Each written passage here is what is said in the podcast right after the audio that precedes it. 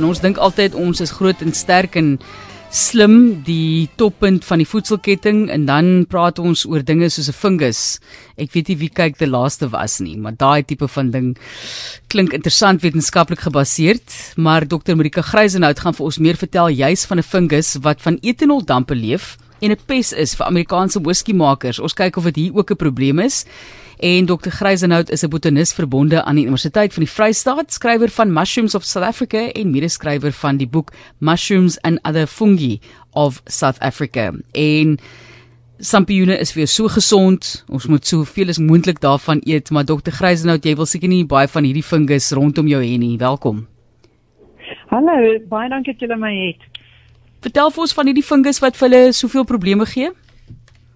Wel, dit is ek het moet bieg. Ek het nie eers geweet van hierdie swam tot julle ehm um, dit vir my gevra het oor die storie en dit is baie interessant. Ehm um, swamme kan verskriklik baie ehm um, substrate of voedselbronne gebruik.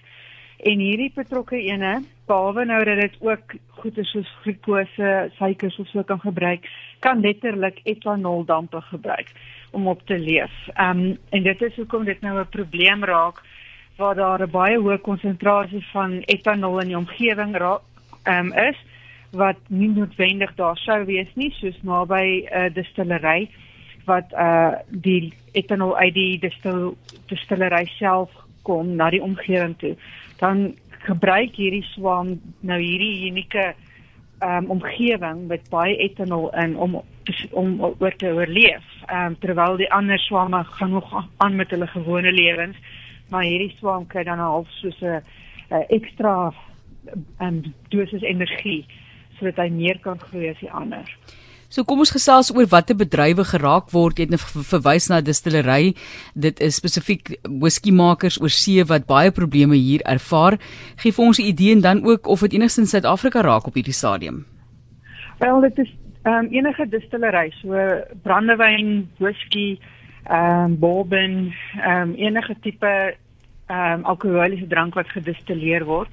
Ehm um, en dit is nie ek dink jy dit is 'n vreeslike groot probleem nie, maar in sekere gebiede waar daar dalk nou baie van hierdie distillery distillerye is met baie etanol wat in die omgewing kom, ehm um, en die omgewingstoestande wat dan nou voordelig is vir die swam, dan sal hy nou oorvat. Ehm um, dit is gewoonlik die probleem wat dit maak is dat dit in die omgewing is en dan groei dit ehm um, maak dit so swart groeisel op op oppervlakte so selfs karre selfs ehm um, vlekvrye staal ehm um, geboue ehm um, net soos 'n posbus ehm um, ehm um, wat hulle dan nou elke jaar uh, duisende dollars moet op spandeer om skoon te maak. Ehm um, dit is nie bekend dat dit alle ehm um, alle uh allergiese reaksies gee nie of dat dit menslike ehm um, probleme veroorsaak in gesondheid nie, maar dis net hierdie kosmetiese probleem.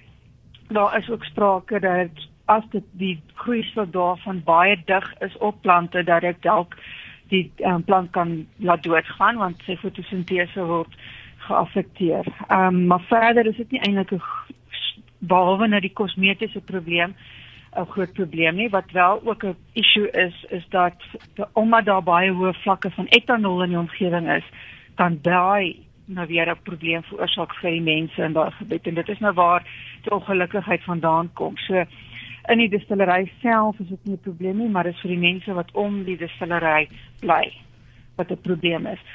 Ehm um, die swam, die spesifieke swam is sy naam is die whisky swam of ehm um, Bowdownia Company Sensus. Is nie eintlik bekend in Suid-Afrika nie. Ehm um, maar dit kan ook wees dat dit net nie bekend is dat dit hier is dat dit 'n probleem is nie. So ehm um, waar dit nou 'n groot probleem is waar mense dit nou opgemerk het en dit 'n probleem vir hulle raak, dan kry hulle die experts in en dit hulle dit swam daar geïdentifiseer. Miskien is dit in Suid-Afrika, maar niemand het nog geweet dit is as gevolg van die distillery nie. Maar ek dink tog as dit 'n groot probleem was, sou ek iets kon optel um, op my soektogte op die internet. Maar as daar iemand uit industrie is wat wel weet van hierdie tipe probleme, dit sou baie interessant wees om te hoor of dit wel in Suid-Afrika is. Ja, dit is nogal interessant waar mense nou mos van die engele se deel, die angel share gepraat het amper so, uh, jy weet, uh, heilsaam daarvan gepraat het daardie verlies dat um, dit nou as dit ware die dampkring vorm, né? Yes. Ja, dit is is die Angel Share is nou as jy die whisky gemaak het of die ander ehm um, drank na die destillasie dan sit jy dit binne in 'n uh, houtvat om te verouder en die houtvat het poree en daar is tog 1 tot 2% per jaar uit daai houtvat van die etanol wat dan verdamp en dit is juist hierdie damp wat dan nou uit die gebou kom en wat nou hoër as gewoonlik is in die omgewing en dit veroorsaak dit die groei van hierdie swam. En die etanol ehm um, veroorsaak dat hierdie swam kan ontkiem en dit help hom ook om baie hoë temperatuur toestande te kan ehm um, weerstaan. So ons noem dit 'n extreme field. Is dit al 'n probleem wat lank aankom want ehm um, ek dink konjak byvoorbeeld, jy weet die naam konjak en die drankie wat so gewild is wat ook daardie pad deurloop en mense ken dit mos nou as 'n Franse brandewyn wil ek amper sê in leuke taal. Ehm um, die naam daarvan dan vernoem na 'n uh, voorsitter. Ja. Ja, die die eerste ontdekking van dit was gemaak in Frankryk in ehm um, Cognac, die uh die ryk waar die provinsie waar Cognac gemaak word. Ehm um, hulle het eers op 'n hulle het gedink as 'n swam en toe het hulle later gedink is 'n alg en toe het hulle weer daarna gekyk en toe kom hulle agter dit is 'n swam en hulle het 'n naam daarvoor gegee wat onlangs relatief onlangs verander is na die genus Baudonia wat vernoem is na hierdie voorsitter van die eerste distillery wat nou waar dit nou onder die aandag gekom het van mense.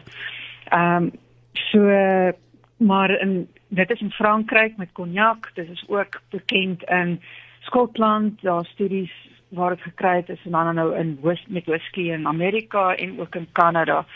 Ehm um, dit die swam self is uh eintlik nou al 'n paar spesies en dit is bekend in ehm um, nou Skotland ook in uh, Noord-Amerika en Suid-Amerika en dan in Asië, maar daar's nog niks verder in Afrika bekend van dit nie.